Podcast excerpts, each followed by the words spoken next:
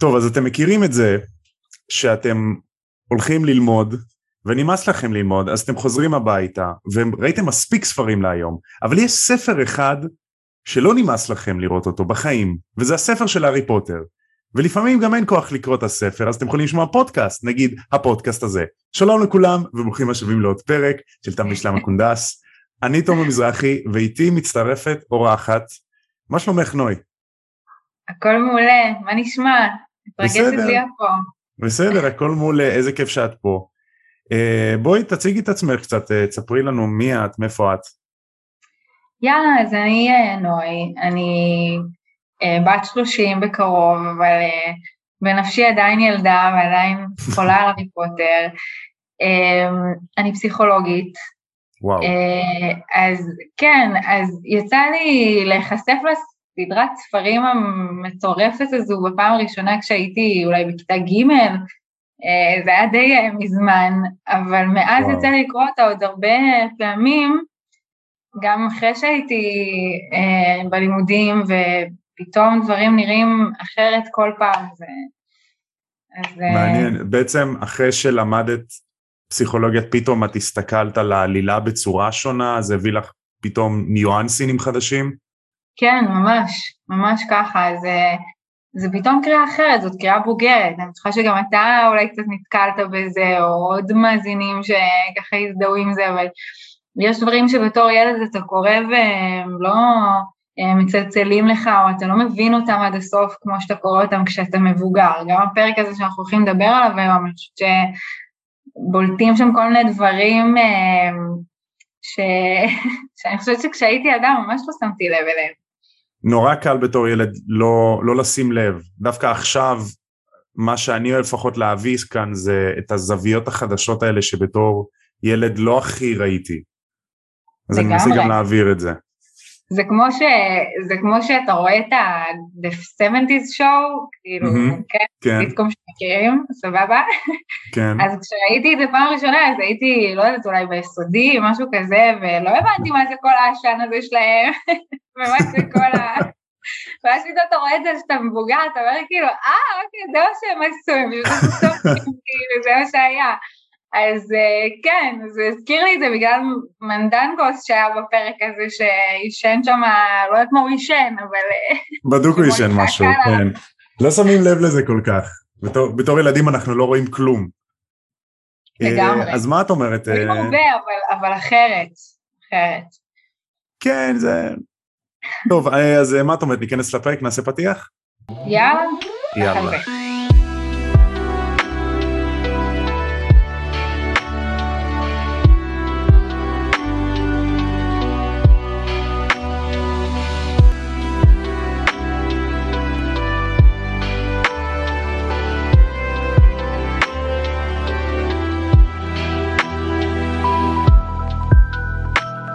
טוב, אז חזרתם אלינו מהפסקת הפרסומות ואנחנו נתחיל עם הפרק של היום, אבל לפני שנתחיל אנחנו נדבר קצת על מה היה בפרק הקודם כדי שנקבל קצת context איפה אנחנו עכשיו בעלילה. אז הפרק הקודם היה פרק 4 ומה שקרה שם זה שהארי הגיע לגרימולד פלייס מספר 12, בעצם המפקדה של מסדר עוף החול, והוא פגש שם את הרמיוני ואת רון והם קצת דיברו והוא סיפר להם איך עבר עליו הקיץ, שהוא נורא עצבני, שאף אחד לא משתף אותו, הוא נורא כזה אנגס, נער, עצבני, אימו, אכלו לי, שתו לי, אני הארי פוטר, אף אחד לא מעריך אותי. טוב. לגמרי, שיא האנגרי, שיא הכועס ברנט שלא נגמר עליהם, טירוף. כן, היה איזה קטע שנורא אהבתי, אני הארי פוטר, בספר הראשון אני עשיתי ככה, ובשני אני עשיתי ככה, ורון כזה, הארי, אני יודע, היינו שם. הכל טוב אחי, היינו שם. כן, הוא חיכה לזה, הוא סחב את זה הרבה זמן, הוא רצה להוציא את זה, הוא היה... אתה יכול להירגע ארי, הכל בסדר, אנחנו פה איתך. אה, טוב, אז... קראנו את הספרים, אנחנו פה, אנחנו יודעים מה מדובר. ממש ככה. טוב, אז אה, נתחיל את הפרק של היום. פרק 5, מסדר עוף החול. שזה בעצם פעם ראשונה שקורה ש... בפרק כל כך מוקדם בספר, אנחנו פתאום מקבלים את השם של הספר. נגיד בגביע האש זה לקח הרבה זמן, האסיר מאסקבן גם יחסית הרבה זמן. אה, והסצנה שהפרק הקודם נגמר, זה היה איזה דיוקן שהתחיל לצרוח בבית ולקלל ואיזה אישה שראתה את סיריוס והתחילה לקלל אותו אתה תועבת דם בוגד מסריח אז איכשהו הצליחו להשתיק את הדיוקן הזה ואז הארי שואל כזה מי זה וסיריוס אומר אה הארי אני רואה שפגשת את אימא שלי. כן. בואי נגיד לו... אז אימא של סיריוס היא אני חושבת שמה שמעניין פה דווקא, אם, אה, אם יורשה לי להביא איזה זווית, אה, אני חושבת שאנחנו באמת נתקלים פה בפרק הזה פעם ראשונה בזה שזה בעצם הבית שבו סיריוס גדל. Mm-hmm. כאילו זה מה, אומר, זה מה שהוא אומר לארי מיד אחרי זה, הוא אומר, מה זאת אומרת אימא שלך, מה אימא שלך עושה פה, נכון? נכון. ואז, אה, ואז הוא אומר לו, זה, זה, הבית שגדלתי פה, לא, לא אמרו לך? אז, אה, אז פתאום אנחנו מבינים איזה משהו על העבר של סיריוס שעד עכשיו היה די באפלה, אה, שהוא בעצם איזושהי משפחה טהורת דם, אה, משפחה של קוסמים מאוד אפלים. משפחה גזענית. גזענית, בדיוק. בעצם אנחנו מקבלים קצת את ה... קצת על העבר של סיריוס, על הילדות, קרה שם משהו בינו לבין אימא שלו שהיא ככה שונאת אותו? Mm-hmm. אז הפרק שלנו מתחיל בזה שהארי מופתע שזאת אימא של סיריוס והוא מסביר מה זאת אומרת הדיוקן הזה למה הוא פה כאילו תורידו אותו אז הוא אומר כנראה לפני שסיריוס חזר וכשהם גרו פה אז היא שמה איזשהו לחש שמונע מהדיוקן אה, להוריד אותו כאילו שאי אפשר להוריד אותו סוג שלו מקובל להכיר עם קסם לא צריכים חוקי פיזיקה זה קסם יש הכל אז הארי שואל אותו, רגע, למה הדיוקן של אמא שלך כאן? אז סירוס אומר לו, אה, לא אמרו לך, זה הבית של ההורים שלי ועכשיו הוא שלי, אני הבן האחרון למשפחת בלק. אה, מעניין, זאת אמא שלו. שזאת, שזאת באמת משפחה שמאיך שאנחנו מקבלים את התיאור של התפאורה של הבית הזה, כל הגמגונים המפלצים על הקירות וכל מה שתיארו לנו בפרק הקודם, אנחנו מבינים שזה בית אפל, בית זוועה ומאוד uh, מוזר באיזשהו מקום שסיריוס שהוא דמות סך הכל uh, טובה, חיובית, מגניבה, נחמדה. בדיוק, ודמות הבאית, דמות, דמות כיפית, דמות מצחיקה, נעימה, ופתאום אנחנו רואים שהוא, שהוא בא מבית מאוד מאוד אפל, וגם בפרקים הבאים זה ככה יותר מדובר, ומצד שני גם יש בסיריוס איזשהו סוג של אופל, איזשהו סוג של uh, משהו מאוד מריר, שפתאום מתבהר לנו קצת מאיפה זה מגיע, אני חושבת. אני תוהה לעצמי אם האופל הזה מגיע מהמשפחה, או מהעובדה שהוא היה באסקבן כל כך הרבה שנים, אה, שלא באשמתו, אז זה גרם לו להיות בן אדם יותר חמוץ ואפילו לא בוגר. אנחנו בפרק הזה קצת ניגע בזה שסיריוס הוא, הוא לא התבגר עד הסוף, לא כמו לופין שהוא היה בעולם בחוץ. נכון. בעצם. לגמרי. זה באמת כי הוא היה הרבה שנים אה, מנותק מהעולם והוא נכנס לכלא הזה כשהוא היה אולי בן 21, 2, משהו כן, מאוד מאוד צעיר. צעיר. די נתקע כילד, המנטליות שלו, הוא לא באמת הספיק לעבור איזשהו תהליך התבגרות מלא, זה נכנס מאוד צעיר לכלא. ו... נכון, חוויות שקוסמים צעירים עוברים אחרי שהם יוצאים מהוגוורטס. בתכלס אם אנחנו חושבים על זה ככה, מתוך ארבעת הקונדסאים היחיד שבאמת התבגר זה לופין, שחווה נכון. כאילו חיים, חיים בוגרים נורמליים, יחסית, בתור איש זאב. לגמרי. זאת אומרת, הוא עבר, נכון, הוא, הוא עבר הרבה קשיים, אבל, אבל כמו, ש, כמו שאתה אומר, סיריוס הוא, הוא באמת היה, הוא, הוא היה, הוא נכלא בגיל מאוד צעיר, ובעצם. השלב האחרון שבו הוא היה במסגרת שהיא סך הכל נורמלית, היה בגיל מאוד צעיר יחסית, ושם הוא די נתקע. והוא בזמן הזה שהוא בעצם היה באזכבון, הוא גם צבר המון המון כעס ומרירות, שהם התיישבו על איזה שהם כעס ומרירות שעוד היו קיימים לפני זה מהמשפחה שלו, אה, ומהיחסים המאוד קשים איתם. אז אה, זה באמת יצר איזשהו טיפוס אישיות די, אה, די קשה. בסופו של דבר סיריוס הוא לא, הוא לא אדם קל, וגם אנחנו פוגשים את זה במהלך הפרק, הוא מתמרמר הרבה, הוא, הוא ציני הרבה, הוא, אה, הוא, קצת, הוא קצת ילד כזה, קצת יש את מולי שהיא המבוגר האחראי, ויש אותו שהוא כל הזמן צריך לווסת אותו ולהרגיע אותו. נכון, יש איזושהי הרגשה כזאת שסיריוס מסתכל על הארי כאילו הוא ג'יימס, כאילו הוא חבר שלו, אז אנחנו מקבלים פתאום אה, בלבול כזה שפעם סיריוס מתנהג כמו דמות אב להארי, כי הוא גם הסנדק שלו, והוא החבר הכי טוב של אבא שלו, אבל לפעמים הוא רוצה שהארי יהיה ג'יימס. נכון. אתה מסכים עם זה אגב? מה אתה חושב? מסכים עם מה? עם זה שסיריוס אה, מתייחס להארי כאילו ג'יימס. חד משמעית, כן, יש המון מקרים לדעתי ש, שסיריוס ממש מתייחס אליו כמו, כמו חבר.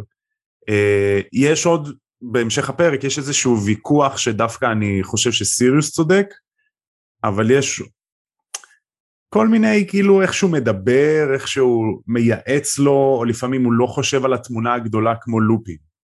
לגמרי.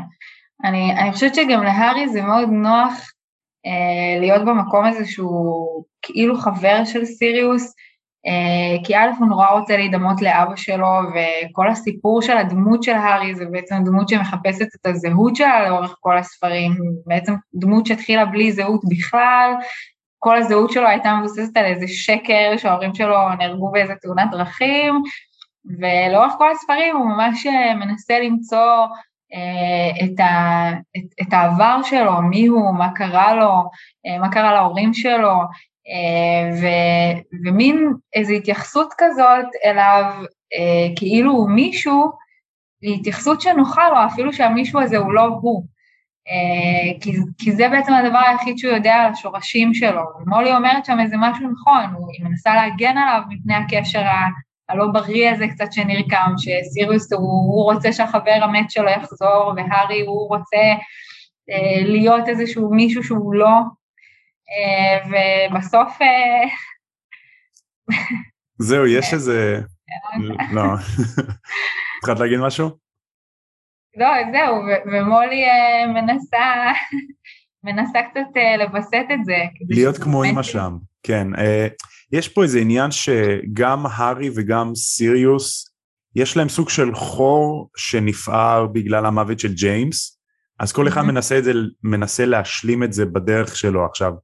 במהלך הספרים הארי מקבל כל מיני מידע על ההורים שלו, אם זה על אימא שלו שהייתה נחמדה או אבא שלו שהוא היה אה, שסנייפ אומר לו שהוא היה שחצן ואז. עכשיו זה מעניין שהעלית את הנקודה הזאת כי בדיוק לפני כמה ימים אני כתבתי קצת פרקים להמשך הספר והגעתי לפרק ש... שהארי רואה את הזיכרון של סנייפ שג'יימס מתעלל בסנייפ אז פתאום הוא מקבל משבר אישיות משבר אופי כאילו של אבא שלי באמת היה בריון ולא חשבתי ככה וסנייפ צדק כל הזמן הזה אז הארי נכון. פתאום מבולבל קצת והוא מתייעץ עם סיריוס. יש לנו עוד איזה 20 פרקים עד שנגיע לשם, אבל זה, זה בדיוק מתקשר למה שאנחנו מדברים עכשיו. לגמרי, וזה, אתה יודע, כל המשבר הזהות הזה הוא משהו שחוזר מאוד לאורך הספרים, זה, בספר השני זה היה עם מצנפת המיון, שהוא פתאום פוגש בחדר של דמבלדור, היא אומרת לו, אתה, כן, אני באמת חשבתי שאולי אתה מתאים לסלית'רין, הוא אומר, אני סלית'רין, אני גריפינדור, אני כמו ההורים שלי, אני כמו הרעים, אני כמו הטובים, בעצם הוא מנסה ככה להבין מי הוא באמת, וגם פה מה שמאוד מאוד קשה לו במה שהזכרת בעוד עשרים פרקים, זה שבאמת כל אחד מאיתנו יש בו טוב ורע, או כמו שסיריוס אמר, נכון. אני חושבת, באיזשהו, נכון, ציטוט שאני ממש אוהבת, כן, הוא אמר, כן. העולם לא מתחלק לאנשים טובים ולא למוות, נכון. יש גם הרבה באמצע, כאילו, יש גם הרבה אנשים שבתוך כולנו יש כאילו גם את הטוב וגם את הרע. אז, אה, וזה מה שבאמת סובב, הספר הזה סובב סביבו, כאילו שבאמת בכל אחד מאיתנו יש את הטוב והרע, גם בתוך הארי. במיוחד בספר החמישי, הוא מתעסק הרבה ב-יין ויאנג, שבהארי הוא, יש בו את הטוב, אבל בגלל שגם הוא התחיל את כל הספר הזה נורא אמוציונלי, נורא עצבני, נורא נסער, וגם אנחנו מגלים בהמשך שאיכשהו וולדמורט קצת תורם לכעס שלו, שהוא קצת נכנס לו לראש, אז יש לנו הרבה אינג ויאנג פה.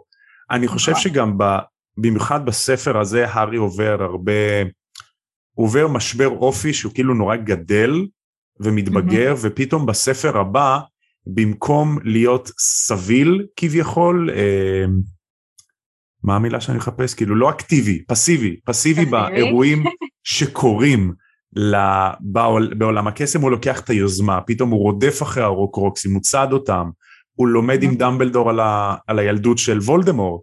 בעצם הוא לוקח את היוזמה במקום להגיב למה שקורה ואיכשהו לנסות לברוח ולצאת מזה בחיים. כן, יש נכון. יש פה פתאום איזה shift אה, ב initiative. לגמרי, ממש מסכימה עם זה, נכון. אז אמרנו שהילדות של סיריוס הייתה קצת חשוכה וגם מעצמו הבית חשוך, הבית נורא ישן, מאובק, אה, חשוך כזה מבולגן, יש כזה כל מיני יצורי קסם מסתובבים בבית ופייה פה ובוגארט שם, בית מגעיל קסום כזה.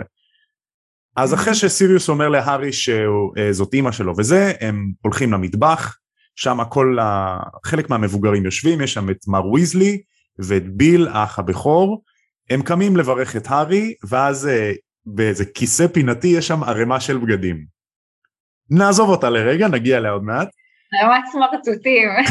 כן, נגיע אליה, עוד מעט תחזור הערימה הזאת. Uh, וטונקס מפילה איזשהו נר משעבה, שזה מלכלך איזה מסמך כלשהו, והארי מסתכל על המסמך והוא רואה כזה בכתף עין שזה תוכנית, תוכניה של בניין. וזה כאילו בניין, זה כביכול uh, מחלקת המסתורין, אבל אנחנו עדיין לא יודעים את זה. ספוילר, uh, ספוילר. נכון. בסדר, נו, מי ששומע את הפודקאסט יודע. הוא כבר מכיר, אל כן. תדאג, כבר... זה לא כאילו, אה, טוב, אני לא מכיר, בוא נחפש פודקאסט של הארי פוטר, אני לא יודע כלום. אה, גברת ויזלי רואה שהארי ראה את התוכניה, את התוכניות של המסדר בעצם, אז היא מבקשת להעלים את המסמכים, היא לא רוצה לערב את הילדים. כאילו הם רוצים שהם יישארו ילדים, הם לא רוצים שהם יהיו מבוגרים. מה, מה דעתנו על זה? על הניסיון אה, להסתיר מהם? אה, אמ, אני נוטה יותר להסכים עם סיריוס שהארי צריך לדעת מהדברים, כי זה, הוא לא רון, הוא הארי, הדברים, הוא, הדברים האלה קורים לו, הוא, עזבי את זה שהוא הדמות הראשית, כאילו זה וולדמורט, וולדמורט לא רודף אחרי רון. עכשיו כמובן הארי יספר לרון, אני חושב דווקא שעדיף ספר להארי, ושהוא ידע כמה שיותר, מצד שני יש עוד הרבה דברים שקורים ברקע שדמבלדור לא רוצה שהארי ידע. אז יש, mm-hmm. ל, יש לזה איזשהו היגיון, מה את חושבת? אני חושבת שבאמת יש פה הרבה מורכבות, מצד אחד אנחנו מקבלים את הקול של מולי, שהיא הקול של ההורה שבאמת אה, מנסה לשמור על הילדים שלו מהעולם המכוער, הקשה, האכזרי, אה, ואני חושבת שלהורים יש את התכונה הזאת שלא משנה בני כמה הילדים שלהם, אם הם בני שנה, חמש עשרה, שלושים, מאה, הם עדיין יראו בילדים שלהם איזשהו יצור קטן שצריך לשמור עליו ולהגן עליו, והארי הוא, כמו שהיא אומרת, כמו הבן שלה. אה, היא לגמרי אימצה אותו וככה היא מתייחסת אליו, וכמו שהיא מנסה לשמור על הבנים שלה ועל אה, ג'יני, שלא יצטרפו למסדר ולא ייחשפו לקושי אה, הנוראי שהעולם הזה מציע לפעמים, ככה גם היא מנסה לשמור על הארי, וזה קול שאנחנו מסוגלים להבין. מצד שני, יש פה גם את הקול של סיריוס שאומר, רגע, אבל הוא כבר לא ילד, כאילו, אנחנו, ואנחנו לא יכולים להמשיך אה, להגן עליו, ולאט לאט הוא, הוא, הוא ייפגש עם זה בכל מקרה, אז עדיף, כמו שלופין יותר אומר, שזה האמירה קצת יותר בוגרת, לא הניסיון להפוך אותו להיות עוד איזשהו חבר כמו ג'יימס, אלא אה, הניסיון לחשוף אותו בצורה הדרגתית ומבוקרת, למה שהוא מסוגל להתמודד איתו, מה שהם חושבים שהוא מסוגל להתמודד איתו וטיפה לאתגר אותו, שזה באמת הפשרה. זהו, יש פה איזושהי דילמה מוסרית של האם אנחנו רוצים להשאיר אותם ילדים תמימים ולא לחשוף אותם לזה, או מצד שני עדיף שהם ידעו כדי שהם ידעו למה להתכונן. להתכונן. בדיוק. ושזה לא יבוא להם בהפתעה, כמו שלופין אומר מאוחר יותר, של עדיף שהם ישמעו את האמת מאיתנו ולא אמת קצת מסולפת מאיזה צד ג'. בדיוק. אז אחרי שהם כזה מעלימים את המסמכים שהילדים לא יראו, אה, ביל שואל את הארי אם הוא פגש את דנג. מה זה דאנג? זה מנדנגוס פלצ'ר. עכשיו, הערימת בגדים מקודם נחרה, התעוררה, ופתאום כזה מנדנגוס פלצ'ר אומר, מי אמר את השם שלי? אני, אני מסכים עם סיריוס. אוקיי, רגע, איפה קמת? אז הוא מתחיל לעשן, במטבח, אז גברת ויזלי אומרת לו, מנדנגוס לא פה, מה אני, מה אני אמרתי? מה אני אמרתי אלף פעם, לא להתעתק פה. יפה, יפה. יופי, אני שמח כן. שאני לא היחיד שמכיר את זה. אז כזה, הארי, הארי שם לב שגברת ויזלי לא כל כך נחמדה למנדנגוס, והיא מבקשת עזרה. אה, טונקס מתנדבת לעזור לה, וגברת ויזלי מהססת, כי כאילו טונקס קצת clumsy כזאת, קצת. clumsy ית כזאת, כן. אה, מפילה כל דבר, שורפת ניירות, מפילה כל מיני מקלי מילים. איפה שהיא לא אני הולכת, על טונקס, היא מגניבה, אני- אני גם אוהב איך ששיחקו אותה בסרט. כן, מגניבה, יפה גם. בסרט, מאוד. מאוד יפה, מאוד יפה. דווקא דמיינתי אותה כזאת יותר אה, עוף מוזר כזה בספר, אה, האמת. יכול להיות, מעניין, אולי בגלל התכונה שיש לה, אז היא תמיד הייתה קצת מוזרה. מצד שני, היא תיעלה את זה למקום נורא. מגניב. כן, כן. זהו. אז יש אה, לה יכולת לשנות את עצמה כאילו כמה שהיא רוצה, כן? אה, בתווי פנים לפחות, אם אני זוכרת נכון, אבל... אה, אבל לא יודעת, היא, בוחרת גם כל מיני דברים נורא מוזרים כאלה, היא די... אה, היא די קולית כזאת, שמה כל מיני צבעים, כל מיני אפים, כל מיני שערות יוצאות מהאף, לא יודעת, כל מיני... זהו, כן, צבע שיער נורא צעקני. אני מתאר לעצמי כן. שבתור נערה היא כזה רצתה להשתלב, ואז כשהיא התבגרה, אז היא פתאום הבינה שזה בסדר להיות אה, לא נורמלי וייחודי. נכון, כמו כולנו. נכון. בואנה, תומר, אני רק עכשיו שמה לב לחולצה שלך, מה זה החולצה אה, כן. הנפילה הזאת? אדיר. אה, איפה קנית אותה? קניתי אותה בלונדון מתישהו. הלכתי איתה חולצה עם ל... אוצרות המוות למאזינים. גם יש לי את זה. אז כאילו... יואו, מה זה, זה חדש? אה, זה די ישן. עשיתי אותו לפני? אה, לא. שנתיים וחצי. אה, וואו, כן. זה חדש יחסית. יחסית. מה כתוב? Always למטה? כן, כתוב always. כן.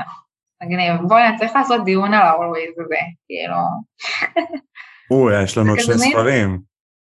טוב, בסדר, נעשה את זה בסוף. סבבה. אה, יש לי נזכור הרבה את מה זה. להגיד על זה, כאילו... מגניב. אוקיי, יאללה, נחזור. אז אה, סיריוס שואל את הארי איך היה הקיץ שלו, אז הארי עונה כזה, לא היה משהו. היה גרוע. מה, מה אתה משחק אותה? אתה רצית לברוח ולא הפסקת להתבכיין. לא היה משהו. יאללה. זה כמו שעובר, שעובר עלייך כזה יום חרא, ושואלים אותך איך היה? בסדר. מה בסדר? אה, לא משהו. כזה נער מתבגר, כזה. מתבגר. אה, סיריוס אומר, מספר שגם לא היה קיץ די אה, מאפן, הוא היה תקוע בבית במשך חודש, עכשיו משרד הקסמים עדיין מחפש אחריו, אבל הוא לא יכול להפוך להיות הכלב, כי פטיגרו עבר לוולדמורט, אז עכשיו הוא סיפר. לוולדמורט שסיריוס יכול להיות, להפוך לכלב, אז אני גם. בתור כלב זה מסוכן בשבילו להסתובב. כן. אז בעצם אין לו שום תחפושת והוא לא יכול לצאת מהבית, והוא כלוא, הוא בעצם שוב כלוא, ולא רק שהוא כלוא, גם כלוא בבית שהוא שונא. בבית שהוא אה, ברח ממנו פעם, כן, כמו שזה בקורונה. אנחנו עוד לא יודעים, זה בפרק הבא, אבל, אבל כן, הוא ברח ממנו, ו, וכל הזיכרונות שלו מהבית הזה הם די רעים. נכון, ו- משפחה שלא קיבלה אותו, שנישלה אותו. תקוע בבית עם משפחה שהוא לא אוהב, כמו בקורונה. כמו נכון. כולם. ומה שיפה זה שמיד אחרי שסירוס אה, מספר לו את זה, אז הארי נורא מזדהה איתו, הוא נורא מבין אותו, אה, שבשבילו להיות פה זה ממש מאפן, אה, כי זה כמו בשביל הארי לחזור לדרך טריבט, אה, מספר 4, כאילו לבית של הדרסלים שהוא כל כך אה, סבל שם כל החיים. אה, ובילדות, אז, אה, אז אנחנו פתאום רואים איזה קו השקה או איזשהו מקור של הזדהות מאוד יפה בין הארי לסיריוס, ששניהם אה, הייתה להם ילדות די מבאסת, אפילו יותר מסיריוס וג'יימס. נכון, שבעצם הם גם יכולים להזדהות ויש להם את העניין המשותף הזה, אז זה עוד עניין פתאום של, שהם כמו חברים, שהם מזדהים. שניהם כאילו באו מבית שהם לא אהבו, שהם אה, סוג של רוצים לברוח ממנו, ולפעמים מחזירים אותם שם אה, נגד רצונם. ויש את המקור הזדהות המובהק, שבאמת גם הזכרת מקודם, שזה האובדן. שניהם חוו אובדנים מאוד גדולים. נכון. אה, את, את, את ג'יימס, אבל גם עוד, ו, ופתאום הם, אנחנו מבינים כמה הם דומים, וגם הם מבינים כמה הם דומים. נוצר פה איזשהו קשר בספר החמישי בין הארי לסיריוס, שהוא קשר הרבה יותר עמוק. יותר אה, מברביעי, כי ברביעי הם, הם התכתבו יותר במכתבים, זה היה פחות אה, נכון. קשר אישי, הם פחות אה, נפתחו אחד כלפי השני. לגמרי, הארי לא ידע כלום על העבר של הוא לא ידע איפה הוא גדל ומאיזה משפחה הוא ומי הקרובים שלו, כל הדברים האלה אנחנו מגלים רק בספר הזה. וזה אני חושבת עוזר להארי מאוד להזדהות עם סיריוס, להתחבר, להתקרב לסיריוס, ובגלל זה גם האובדן שלו הוא הרבה יותר קשה אחר כך. כן. אה, רולינג פה משחקת לנו בלב.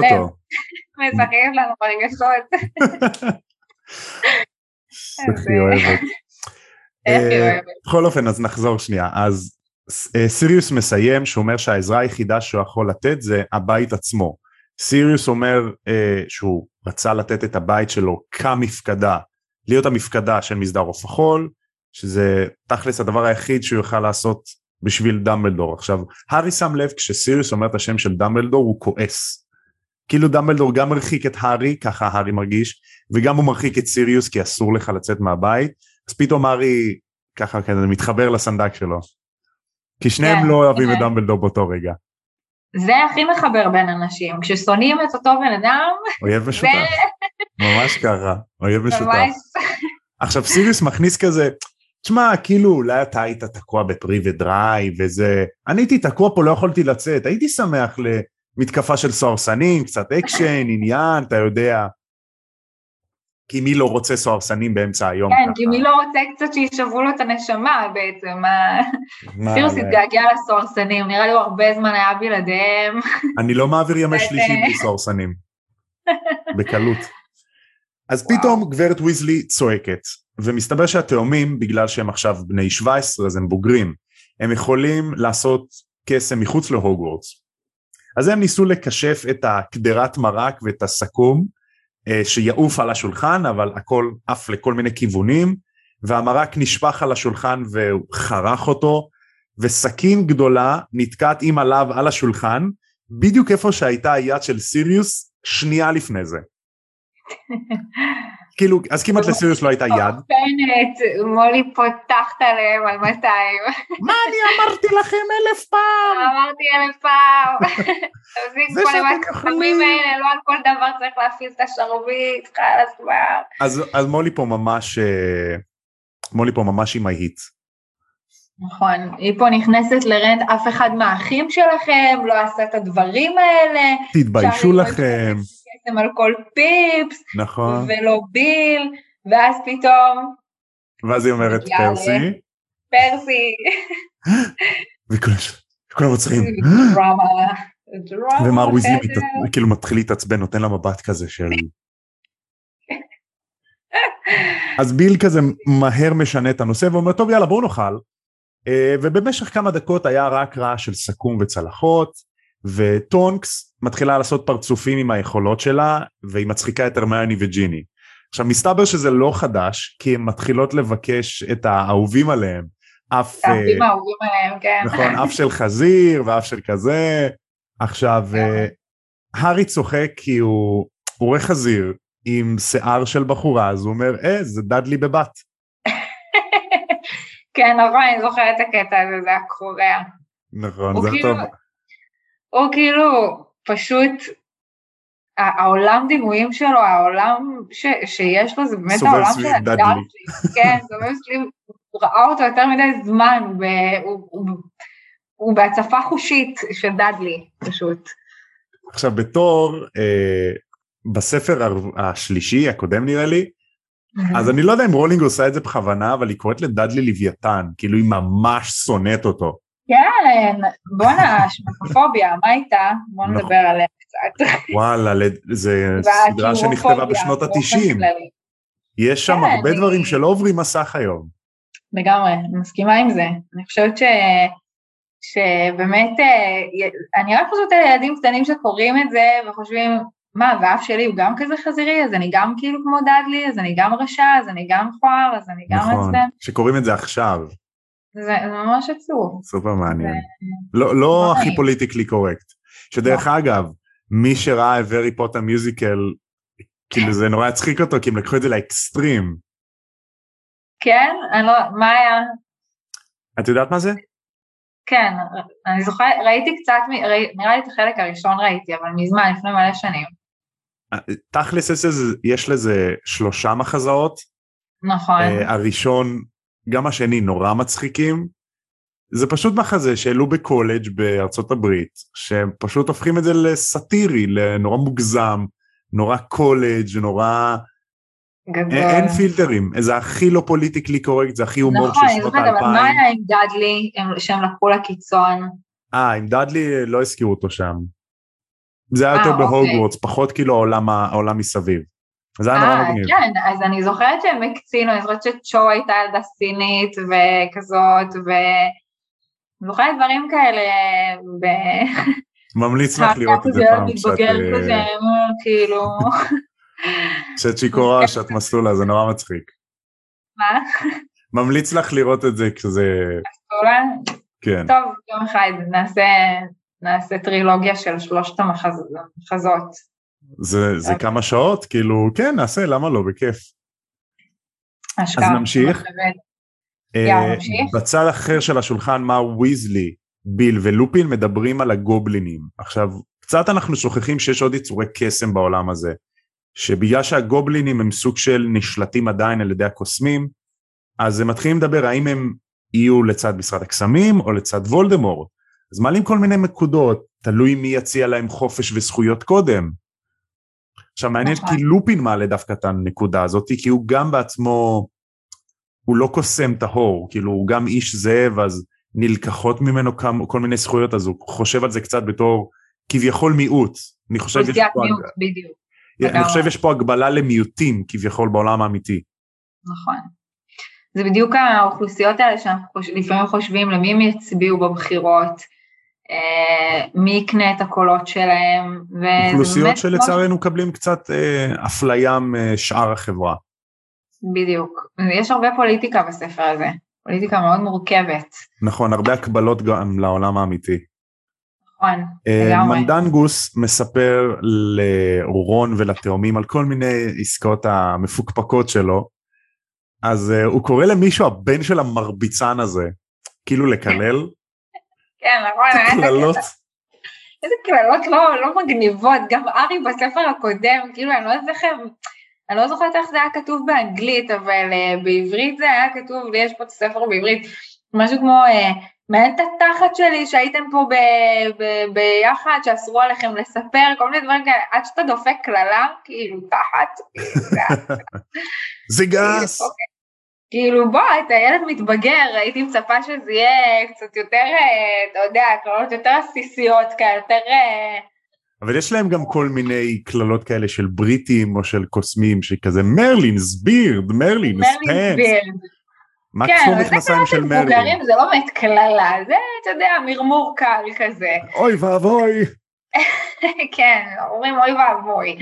אבל ארי הוא, הוא, אתה יודע, אתה מצפה שהוא יגיד יותר את המילים, לא יגיד פה אה, בשביל המאזינים הצעירים, אבל אה, אתה יודע, כאילו... יש מאזינים צעירים, אז... אה, כאילו. כן. אז, אז הם ממשיכים לאכול, הם מסיימים את האוכל, את הקינוח, וכולם כזה ישנוניים ושבעים וככה יושבים עם, ה, עם הכפתור בחוץ וכולם שמחים סבבה. וגברת ויזלי אומרת טוב יאללה חבר'ה בואו נלך לישון ילדים קדימה ואסי אומר רגע רגע שנייה מולי. הארי אני לא מבין איך אתה רגע כמה זמן. רגע דילגת על קטע קורע. איזה? היה את הקטע ש... ש... מה זה היה? עם אנדנגוס שהיא אומרת לו אה, מנדנגוס, אמרתי לך כבר אלף פעם לא לדבר על הדברים האלה פה ליד הילדים, על כל העסקאות המפוקפקות האלה שאתה עושה, אז uh, הוא אומר לה כזה, סורי מולי, uh, חשבתי שזה בסדר, או משהו כזה, אז היא אומרת לו, אני לא יודעת מי לימד אותך מה בסדר, לא בסדר, מה טוב, מה רע, נראה לי פספסת כמה שיעורים מאוד חשובים. אה, נכון. והיא עפה, וואי, והיא כאילו, היא ממש נכנסת בו. אבל 200 על, וואו, הוא כאילו, וגם סיריוס אומר, זה בגלל שהיא לא, שהאחים, או שפרד וג'ורג' אומרים לו, זה בגלל שהיא לא סלחה לו על זה שהוא נטש את המשמרת של הארי, כאילו... שהוא שמר עליו, נכון. עכשיו גם הארי שואל את סיריוס, למה מנדנגוס פה אם הוא כזה פושע? אז סיריוס כן. אומר לו בגלל שמנדנגוס פושע אבל הוא נאמן לדמבלדור כי דמבלדור הציל אותו מאיזושהי אה, נקודה בעייתית שמנדנגוס היה בפעם אז הוא עוזר להם הוא שומע דברים שהם לא שומעים הוא מכיר מאוד יעיל להם, הוא כל עוזר מיני להם. אנשים כאילו בשוק של הפושעים בשוק האפל הוא כזה ברחובות הוא, הוא עוזר להם כאילו מהצד ה, של הרחוב לגמרי. זה כמו, ה- אה, כמו הסרט הזה עם אה, ליאונריו דקפריו, תפוס אותי אם תוכל, אם מישהו ראה את Mm. הסרט הזה. זה סרט שיש איזה מישהו שמזייף צ'קים, קרימינל, הוא פושע, נכון. ובסוף, אחרי שתופסים אותו, נותנים לו, זאת אומרת, איזו חנינה כזאת שבו אם אתה תצטרף אלינו לשירותים של הבילוש, אז אנחנו נוותר לך על העונש, זה יהיה כאילו העבודה שלך. וננצל את וזה היחסים מאוד שלך. עוזר, בדיוק, זה מאוד עוזר הרבה פעמים ליחידות כאלה, כמו מסדר עוף החול, או מה הם, כמו ימ"מ, לא יודעת מה הם, כמו בלשים, בעצם כן, זה עוזר בטח. שיש מישהו קרימינל כזה שהוא חושב כמו, ה, כמו הצד השני. אז הוא, זה אחלה להם. אז אחרי שכולם סיימו לאכול גברת ויזלי אומרת יאללה קדימה לכו לישון ילדים וסיריוס אומר רגע שנייה מולי אני רוצה לעצור. הארי אתה פה כבר כמה זמן ולא שאלת שאלות על וולדמורט כאילו לא מעניין אותך אז הארי כזה בטח שזה מעניין אותי. הארי אומר "כן." כל החיים, מה זה מעניין אני אותו. כל הקיץ מתמרמר על זה ברור שאני אשאל. ואז גברת ויזלי מתחילה להתנגד לא אל תספרו להארי הוא צעיר הוא עדיין לא בגיר אז התאומים אומרים היי סליחה אנחנו בוגרים ואתם לא מספרים לנו שום דבר. אז היא נכון. מתעקשת אז מה אם אתם בוגרים אתם עדיין בבית הספר. אבל אני זה לא חייבת קשור." להגיד שפה פרד וג'ורג' לא אהבתי, לא אהבתי, והם הדמויות שאני הכי אוהבת, הם הכי קוראים, ואז אה, סיריוס אומר איזה משהו, אני חושב שכן צריך לספר להארי, ואז הוא אומר, סליחה, סליחה, סליחה, אם הארי שומע, אז למה לנו אסור, כאילו, כי אנחנו בוגרים. קודם כל, למה אתם מפילים אותו? אם רוצים לספר לו. מה זה קשור? מה זה קשור? גם ככה הוא יספר להם אחרי זה. כנראה. קודם כל תגידו שיספרו להארי, בטח, מגיע לו, גבר נכון. על, אבל גם שיספרו לנו, אתה מבין, כאילו יש, אה, תבנו את זה יפה, לא... נכון, תכלס. ופה מתחיל הוויכוח שדיברנו מקודם אה, בין סיריוס למולי. עכשיו, אני מקודם חשבתי על משהו ואני רוצה להעלות את זה עכשיו. אני חושב שחלק מהסיבות למה מולי נורא חשוב לה שהארי עדיין יישאר ילד ולא לחשוף אותו למידע הזה ולסכנה, זה כי במלחמת הקוסמים הראשונה לפני שוולדמורט נפל, מולי איבדה שני אחים. שני אחים שלה מתו. נכון. אני ממש שכחתי מהפרט הזה, אתה ממש ממש צודק. לא, כאילו, לא, לא יודע אם מדברים על זה הרבה. פתאום נזכרתי בזה, אז... זה קטע, היא כאילו, היא חוותה גם אובדן, גם היא דואגת לילדים שלה. בעוד, זה, בעוד איזה פרק או שניים אנחנו מגלים שהבוגארט שלה זה הגופות של הילדים שלה, וגם של הארי. של הארי, כן. וזה הזכיר לי עוד משהו. ויזלי. זה הזכיר לי עוד משהו, שהרי מקודם אמרת, שגם מולי הולכת להגיד את זה עוד מעט, שהארי הוא כמו הבן שלה. אז ראיתי איזשהו מים, שאומר, שהיא אומרת, אני אוהבת את כל הילדים שלי באותה מידה, ואז במטבח שלה, במחילה, יש תמונה ענקית של הארי, ומלא תמונות קטנות של שאר הילדים. פוסטר כזה של שני מטר לשני מטר, הארי. יש גם עוד מים כזה של אה, כשמולי מדברת עם הארי אז רואים את גורדון רמזי בתוכנית של הילדים של מבשלים הוא כזה אוי אתה בסדר אתה תותח אתה טוב אתה חמוד ולילדים שלה שהוא צועק על המבוגרים יא סליחה." חתיכת חמור יא טמבל תדחוף את עצמך כן, הקטע האהוב לסנדוויץ' עליי של מולי זה בספר השני, כשהם אה, חוזרים אה, אחרי הלילה של החטיפה של של הארי מהדרסלים, והיא מתחילה לצרוח עליהם, טירוף, סליחה, מה עשיתם? מה אתם חושבים לעצמכם? היא כזה, היי הארי מתוק, מה נכין לך לאכול? בוא, תרגיש בנוח. ואתם מה. נראה לכם מה אתם חושבים וואי, זה תתביישו פיפי. לכם וואי, זה קורע. האמת שיש קטע, אני לא זוכרת אם זה בפרק הזה, או בעוד כמה פרקים, וואי, אני לא יודעת, ת- ת- תקן אותי אם אני טועה, שגברת ויזלי צועקת על מנדנבוס, נראה לי שזה פרק הבא, שהיא צועקת על מנדנבוס, ואז פרד וג'ורג' אומרים, איזה כיף לשמוע אותה צועקת על מישהו אחר. יש מצב שזה בפרק הבא יש מצב שינוי מרענן. זה כיף להיות. מהצד, זה כמו שאימא וואו. צועקת על, על האח או על אחות, ואני כזה, אני ילד טוב. כן. איזה כיף לא לקבל את זה. איזה כיף לי שזה לא אני. ממש. מרגיש אז בין פתאום. סיריוס, אז בין סיריוס ומולי מתחיל איזשהו ויכוח, כמו שדיברנו מקודם, שסיריוס חושב שצריך לספר להארי ומולי חושבת שהוא צעיר מדי והיא דואגת לו. ומתחילים להתלהם קצת, מתחילים להרים את הקול, סיריוס צועק שהארי לא ילד, מולי צועקת שהוא גם לא בוגר ושהוא גם לא ג'יימס. אה, ומולי סוג. של רומזת קשה, שסיריוס זו פזיז. אמירה קשה לסיריוס. בואנה, מולי היום פה, זהו, זה קצת מתחת לחגורה. בדיוק, היא מדברת מתוך חרדה, כן, כמו שאמרת, היא איבדה שני אחים, והחרדות הכי קשות שלה זה באמת לאבד את הארי ואת הילדים, ברור שהיא אומרת את הדברים מרצון טוב לשמור עליהם, אבל, אה, אבל היא, זה מה שיפה בהורים לפעמים, הם באמת כאילו לא בוחלים באמצעים, כמו לביאה כזאת, שכאילו נכון, מבחינתה, היא יודעת איפה זה כואב, היא יודעת. איפה מה לו. בדיוק. זה קשוח, זו הייתה אמירה קשה, כאילו, לאמת את אה, סיריוס עם זה שהוא אה, לא, לא התאבל ולא איבד לגמרי בעין את המוות של החבר שלו. ממש ככה. זה- היא גם זה חושב, היא. גם סוג של רומזת שסיריוס פזיז, אז סיריוס כאילו אומר, מה זאת אומרת, את רומזת שאני סנדק לא אחראי? וזאת אומרת, לא, לא התכוונתי לזה, ארתור תעזור לי. ו... ומר ויזלי אומר, תשמעי, המצב קצת השתנה ועדיף שהארי ישמע את העובדות מאיתנו, ולא לא הכל, אבל כאילו עדיף שהוא ישמע את זה מאיתנו. מהמם. ואז לופי נכנס, והוא אומר, אה, כאילו, מולי כזה קצת התבאסה שבעלה לא עוזר לה, ואז היא. אומרת, לופין, מה אתה חושב? אבל היא הולכת להתאכזב שוב. כי לופין. אומר, תשמעי, עדיף שהארי ידע את התמונה הגדולה ולא לפרטי פרטים, מאשר אה, שהוא יגלה את זה מאיתנו, ולא ממקורות לא אמינים, ואז הוא כזה קורץ לתאומים. יש להם את האוזן המנתחת הזאת שהם, שהם ניסו את לצטט האוזני להם. בפגישה. האלה, את ה... כן. אז מולי אומר, טוב, נו, בסדר, יאללה. אה, אבל לא לפני... גם מה, אני מבינה, אין לי תומכים פה. בסדר, אני במיעוט פה. יאללה, בסדר. נכון, אבל לא לפני שהיא מזכירה לסיריוס שהארי הוא לא הבן שלו, ובנוסף לעובדה שסיריוס לא היה שם בשביל הארי כשהוא היה באסקבן. נכון. אז כאילו, כן, זה- מולי. קשוחה מאוד פה בפרק הזה. מאוד. מאוד מאוד, מאוד אגרסיבית. אז היא גם אמ, אגרסיבית עכשיו על הילדים, היא צועקת על הילדים, תעלו למעלה, כולל. למיטות! אז כולם כזה, מה, לא, וזה, אני רוצה להישאר. מר ויזלי אומר, מולי, התאומים יכולים להישאר, הם בוגרים.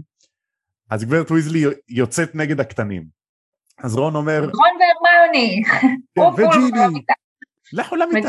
תעשו שיעורי בית. אז רון אומר, רגע, אבל הארי בכל מקרה יספר לנו הכל, נכון הארי? והארי מסתכל על רון, ולרגע הוא שוקל לא לספר לרון כדי לעשות לו דווקא, כדי שהוא יחווה מה שהארי חווה בקיץ, אבל זה עובר לו ואומר, כן, ברור שאני אספר להם. אז גברת, אה, אז מולי אומרת לג'יני, טוב, ג'יני, יאללה, קדימה, לכי, והיא כזה, מה, לא, אני לא רוצה. ובועטת במדרגות ונלחמת, וגברת בלק מתעוררת ומתחילה לצרוח. מייהם רציני. אז אתה אחרי יודע מה אני שהכל חושבת? נרגע, אז אתה יודע מה אני חושבת, אני חייבת להגיד פה איזה מילה על, על ההתנהגות של מולי, שבאמת אה, מצד אחד זה כאילו משהו די אופייני, אנחנו יודעים שגברת ויזלי היא קשוחה כזאת, או כמו שפרסי כינה אותה, האוטוריטה הכי קשה והכי מפחידה בעולם החכמות. אנחנו יודעים את הדברים האלה.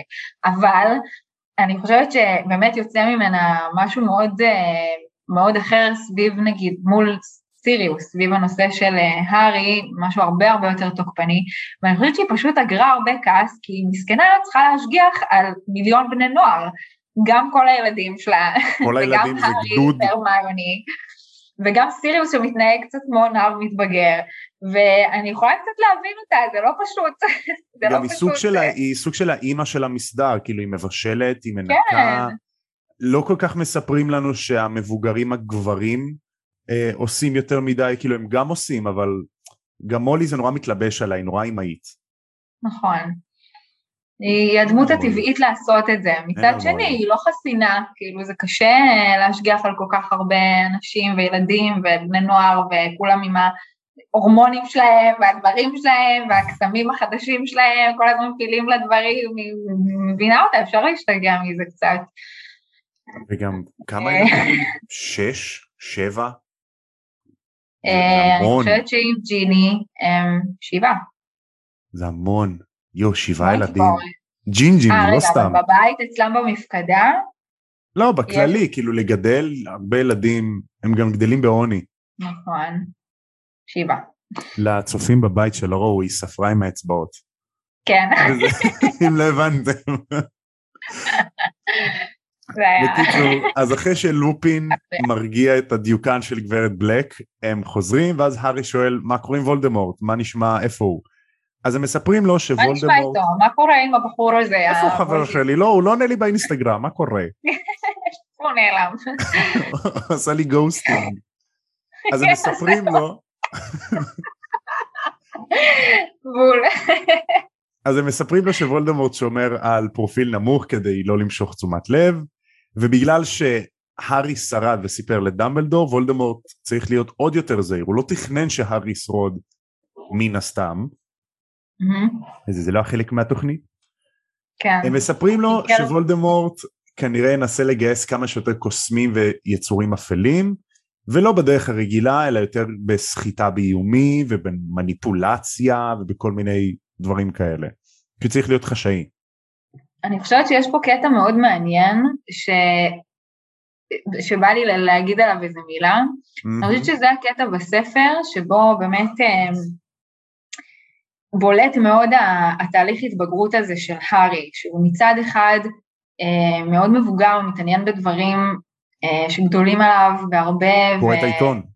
הוא קורא את העיתון, ובדיוק כמו שאגב אומרים עליו, כאילו איזה ילד, אה, ורנון אומר עליו, איזה ילד אה, מתעניין בחדשות, בכלל דאגי, הוא לא יודע מי הראש ממשלה.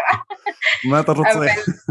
בדיוק, הוא, הוא, הוא מתעניין בדברים של גדולים, מצד שני הוא עדיין נורא ילד, כי כשאומרים לו אה, אה, וולדמורט ירד מתחת לרדאר, אז הוא אומר, מה פתאום הוא הפסיק אה, לרצוח אנשים? עכשיו, זה, זה באמת חשיבה מאוד ילדית כזאת, כי, כי המנגנונים של השליטה אה, המחוכמת יותר, הם הרבה יותר מורכבים.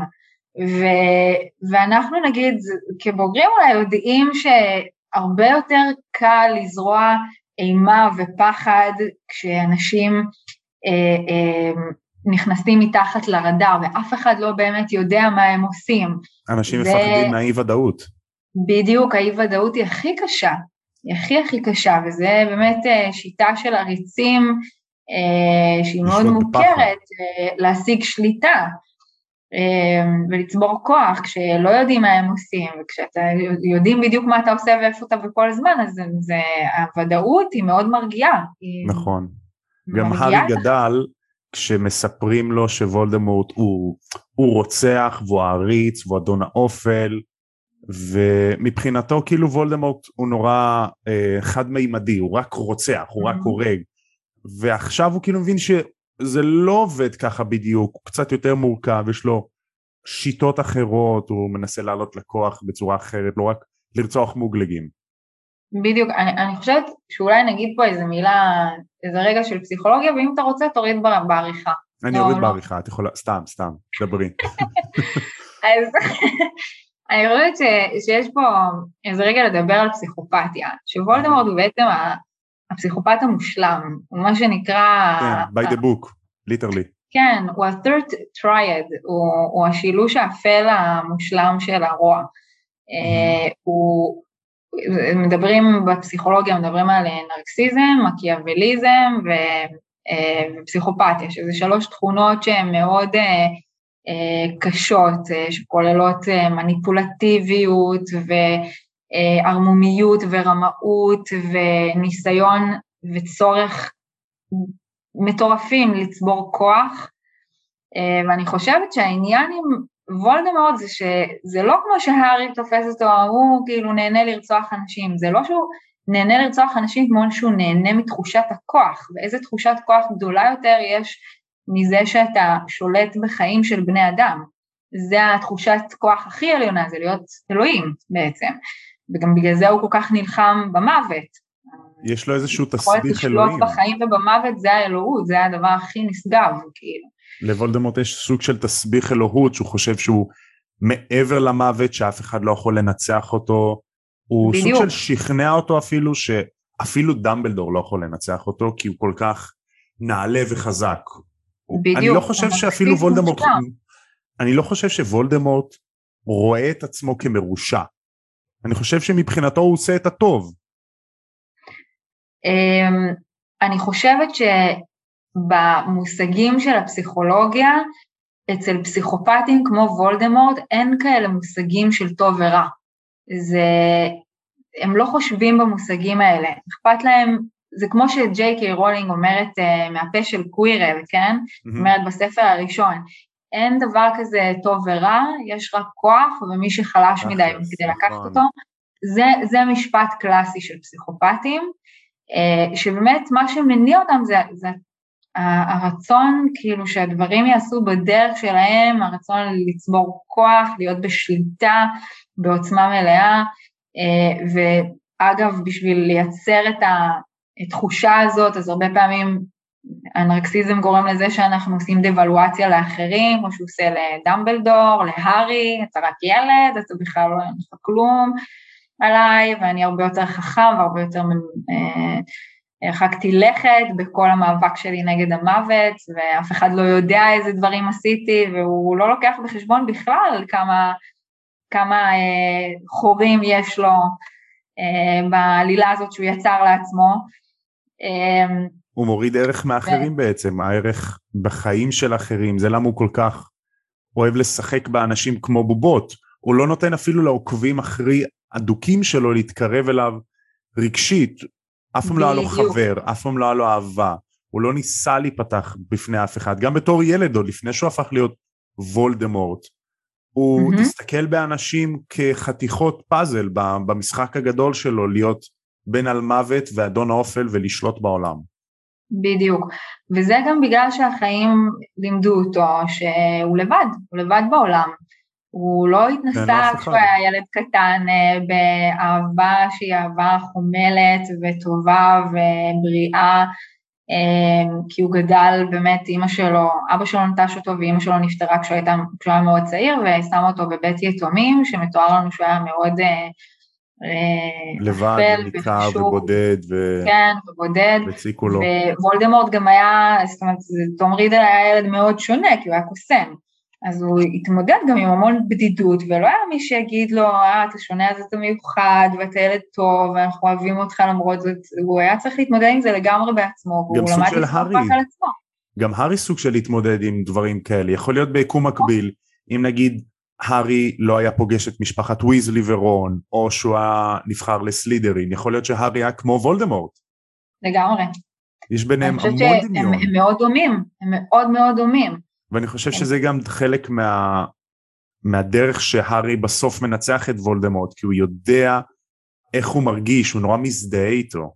בדיוק. הוא מצליח להבין איך הראש של וולדמורט עובד, זה מה שדמבלדור עובד איתו עליו בספר השישי, mm-hmm. מנסה להכניס אותו לעבר שלו ולדפוסי החשיבה של וולדמורט, מה, מה מניע אותו, איזה דברים הם חשובים לו, אה, הוא מראה לו, אתה רואה מגיל צעיר הוא התחיל לגנוב, מה זה הפעולה הזאת של הגניבה? זה, זה, הכוח הוא אצלי, אני מסמיל אותו בכל מיני חפצים וככה אני שומר אותו אצלי. סימנים זה... לפסיכופת. ממש, אה, ו, וזה התחלה של מה שנקרא אצל ילדים כאילו קונדקט דיסורדר, כאילו משהו כזה מבוא לפסיכופתיה, ובגילאים יותר מבוגרים אז זה ממש אה, מתאבחן כהפרעת. זה מתבטא יותר בקיצוניות. וואלה, מעניין, מגניב שהבאת את זה. כן, אה, אז הם ממשיכים בשיח שלהם, הם ממשיכים בשיח, והם אומרים, הרי הארי לא מבין, אוקיי, כאילו אם וולדמורט חזר, למה אף אחד לא עושה כלום? אז הם mm. מספרים לו שמשרד הקסמים ופאג' במיוחד, תחת האשליה שדמבלדור מנסה להדיח אותו כשר הקסמים באמצעות תעמולה של וולדמורט חזר, והארי אומר כאילו אבל זה מפגר, דמבלדור מעולם לא רצה את משרה של שר הקסמים, הציעו לו את זה עוד יותר מפעם אחת והוא עדיין סירב. נכון, פאג' הוא לגמרי בהכחשה, הוא, מאוד בהכחשה. הוא, הוא, הוא מפעיל מנגנון, מנגנון הגנה אה, כשאנחנו נתקלים עם איזשהו אירוע, באיזשהו אירוע או תוכן מאוד מאוד מאיים, אז הנפש באופן טבעי ולא מודע מפעילה מנגנוני הגנה כדי לשמור עליהם. אחד המנגנונים האלה זה באמת הכחשה, שזה בעצם נכון. היכולת להיפגש עם האירוע הזה, אבל בתנאי שאנחנו, אה, שיש טענה תחתיו שמציין שהוא לא נכון. היה רצח של סנדריק בגלל וולדמורט, לא, זה לא נכון, ממש לא, זה לא, יתכ... לא אפשרי. נכון, פאג' מכחיש. לא, לא ייתכן.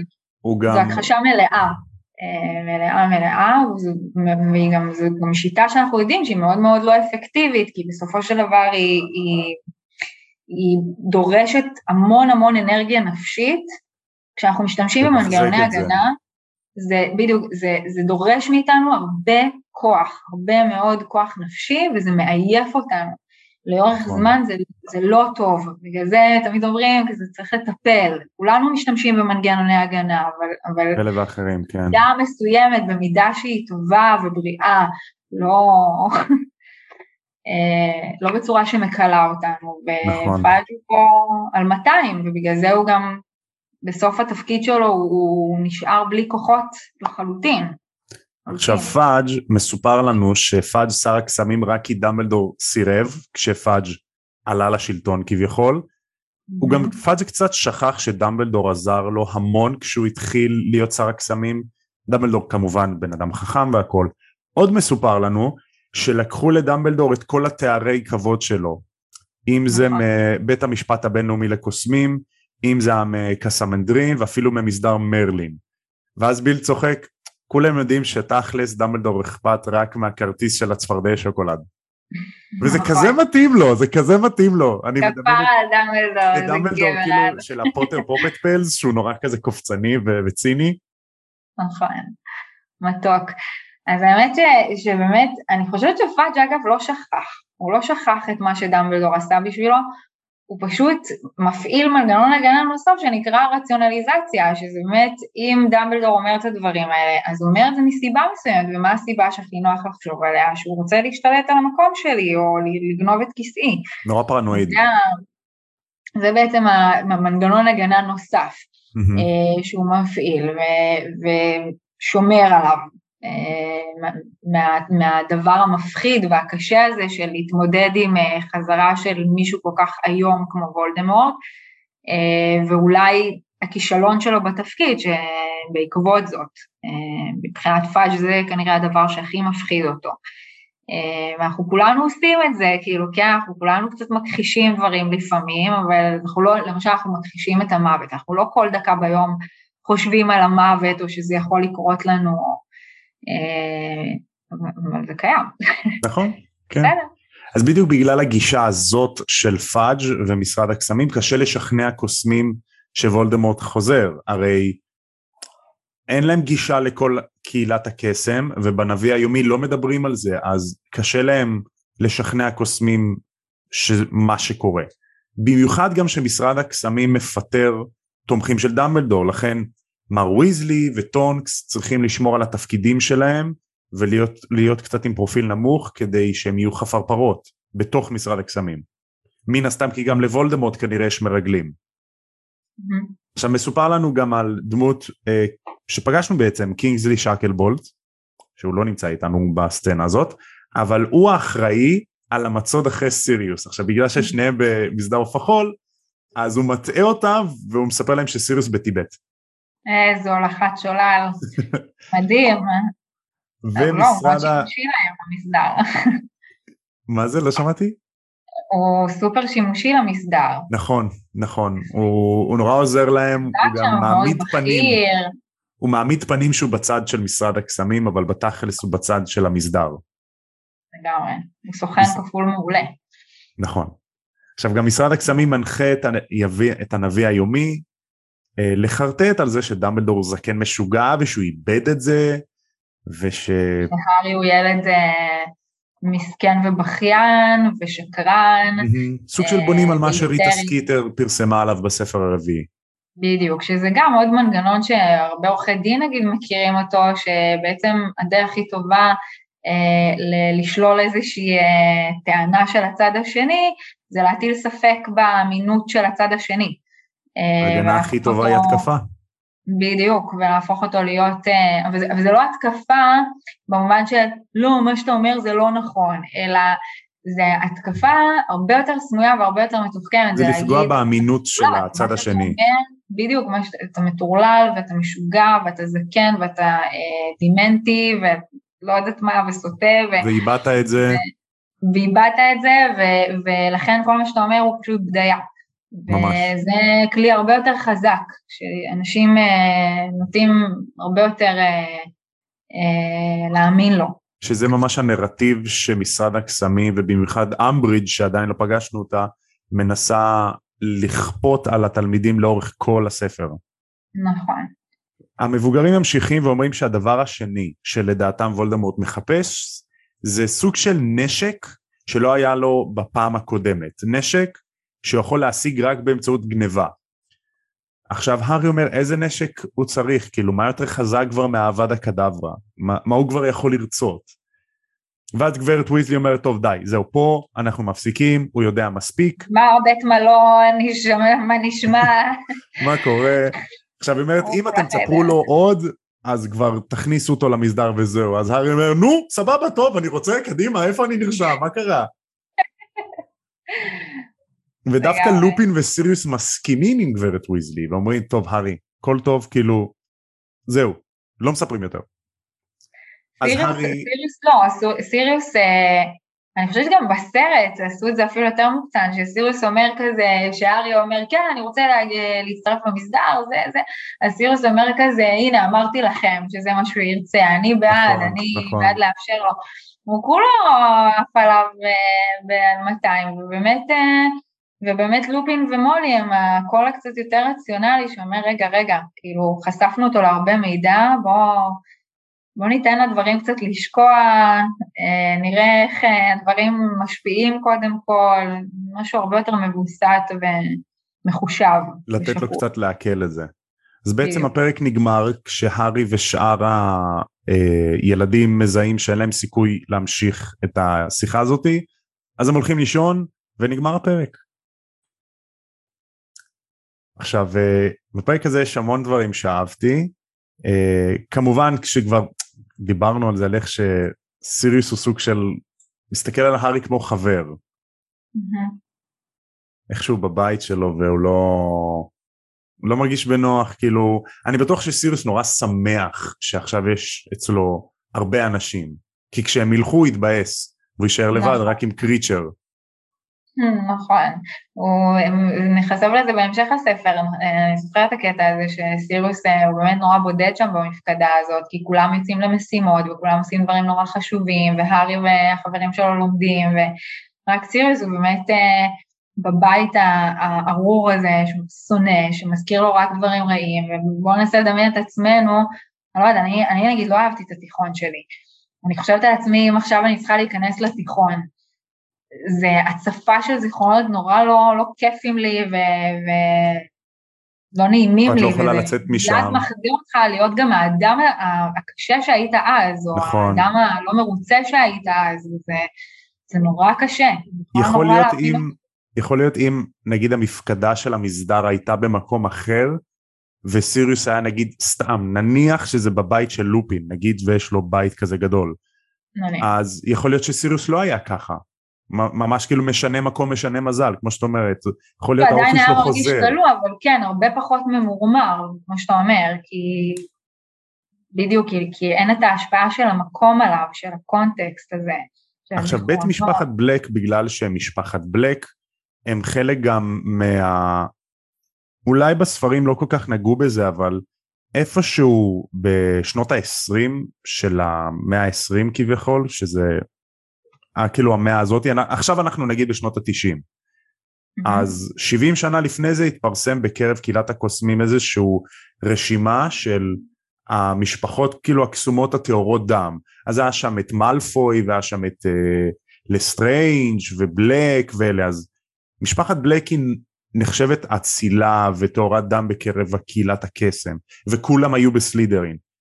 וסיריוס היה בגריפינדור, ואני לא זוכר באיזה פרק נכנסים לחדר שינה של, של אה, סיריוס והחדר שינה מלא בגריפינדור באדום בזהוב בעוד שכל שאר הבית הוא ירוק.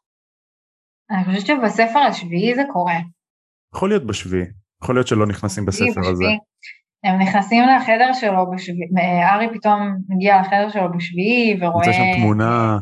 חלק מהמכתב של לילי שלחה לסיריוס עם נכון. תמונה של הארי כשהוא תינוק וכל מיני דברים כאלה. אה, שלא ברור מה המכתב הזה עושה שם, כי סיריוס עזב את הבית בגיל 16, חור בעלילה, אבל בסדר. תכלס, גם מזכירים שם איזה דמות וזה יחזור, ואיכשהו עם סנייפ זה מתערבב איכשהו. כן, כן, אבל... נכון, נכון, זה אבא שביעי. טוב, נוי, כן. אז מה, מה את חושבת על הפרק שהיה לנו היום? וואי, אני חושבת שחפרתי. שנינו, זה לא, ש... זה טנגו. אני מקווה שהיה סך הכל אה, מעניין. אה, ותכלס נהניתי בטירוף, אני מבחינתי רק ללרלר על הארי פוטר, מאוד אוהבת. אה, ואני באמת מעריצה מאוד גדולה של הספרים, מאוד, וכל פעם שאני קוראת אותם מחדש, ויצא לי לקרוא אותם אולי בערך שבע פעמים, אני, אני מתאהבת בהם מחדש ובדברים חדשים, אני חושבת על עוד דברים, ו, אה, ואני מבינה גם כמה הספרים האלה יש בהם איזה עומק, היא לגמרי ג'יי קיי רולינג אה, מבינה בפסיכולוגיה, אם היא כתבה את הדברים איך שהיא כתבה. אה, מגניב לגמרי. זהו, ברגע שמתחילים קצת לנתח את העלילה הזאת, שזה לא רק ילדים, אז מגלים שיש עוד המון מעבר. עכשיו, אני לא למדתי פסיכולוגיה, אז נורא שמחתי, אני שמח שהבאת את הפרספקטיבה שלך בתור פסיכולוגית, שהכנסת לנו כל מיני מונחים והסברת לנו, ועכשיו גם אני וגם המאזינים כאילו למדנו, ואנחנו מסתכלים על דברים קצת בצורה אחרת, אז אז אני שמח שבאת וגם אני נהניתי. זה כיף, אני מקווה שזה באמת אה, דיבר והיה סבבה. אמ, אני חושבת שבאמת אה, יש עוד המון מה להגיד על הארי פוטר בהקשר של הפסיכולוגיה יותר רחבה. אמ, אני חושבת שאיך שהיא בנתה את הדמויות, היא הסיבה שאנחנו כל כך מזדהים עם הדמויות האלה, היא כי הם מייצגים חלקים מסוימים בנפש של כל בן אדם, לפי התיאוריה של פרויד, אה, יש את רון שהוא היותר אה, אה, קליל ודכפי ואני רעב והכל עכשיו ומהיר, יש, זה חלק אחד של הנפש, ויש את החלק שמיוצג יותר על ידי הרמיוני, כל החוקים, כל הכללים, מה אסור לעשות, מה מותר לעשות, מה, מה נכון, מה לא נכון, ויש את הארי שהוא באמת אה, משהו די באמצע, איזשהו קול יותר מפשר, אה, בדיוק החלקים האלה שעליהם אה, דיבר פרויד במבנה של הנפש. ובגלל זה השלישייה הזאת היא כל כך מוצלחת, הם ממש מתפקדים טוב, כמו נפש. ממש ככה. אני חושב שגם מה שיפה בשלישייה שאומנם שלושתם בגריפינדור, אבל רון הוא נורא הפלפאף באופי, והרמיוני רייבנקלו והארי הוא סלידרין אז כזה כל אחד כאילו מכניס דינמיקה בכללי אני חושב דינמיקה של שלישייה זה נורא מוצלח תמיד נכון. שלישייה היא, היא גם בסדרות בספרים תמיד יש שלישייה כאילו זה דינמיקה נורא מיוחדת. שזה לא זוג. טובה גם בספרות בדרך כלל. אה, זה מאפשר כן. להביא כל מיני קולות וכל מיני דברים, אה, כל מיני קונפליקטים. אה, אנחנו רואים שהרבה פעמים יש ויכוח, אה, אפילו יש את הוויכוח, אני חושבת שהכי הגניב אותי בספר השביעי, אה, מתווכחים כזה איזה אוצר הכי שווה אחרי שהם שומעים את הסיפור על שלושת האחים, נכון. וכל אחד מהם אומר משהו אחר. וזה מדהים, כי זה בדיוק משקף את ה... כמה הם שונים, כאילו יש את רון שאומר את השרביט, כי הוא באמת חי באיזשהו בית כזה שבו הוא היה עם מלא אחים תמיד, והוא גם האחים הקטנים, אז כזה קצת הוא נעלם. להיות הכי חזק, הוא הכי נעלם מהאחים האלה בדיוק. נכון. ויש את uh, הרמיוני שהיא הרבה יותר מחושבת ושקולה ולוקחת בחשבון את הסביבה, אז היא בוחרת בגלימת ההיעלמות.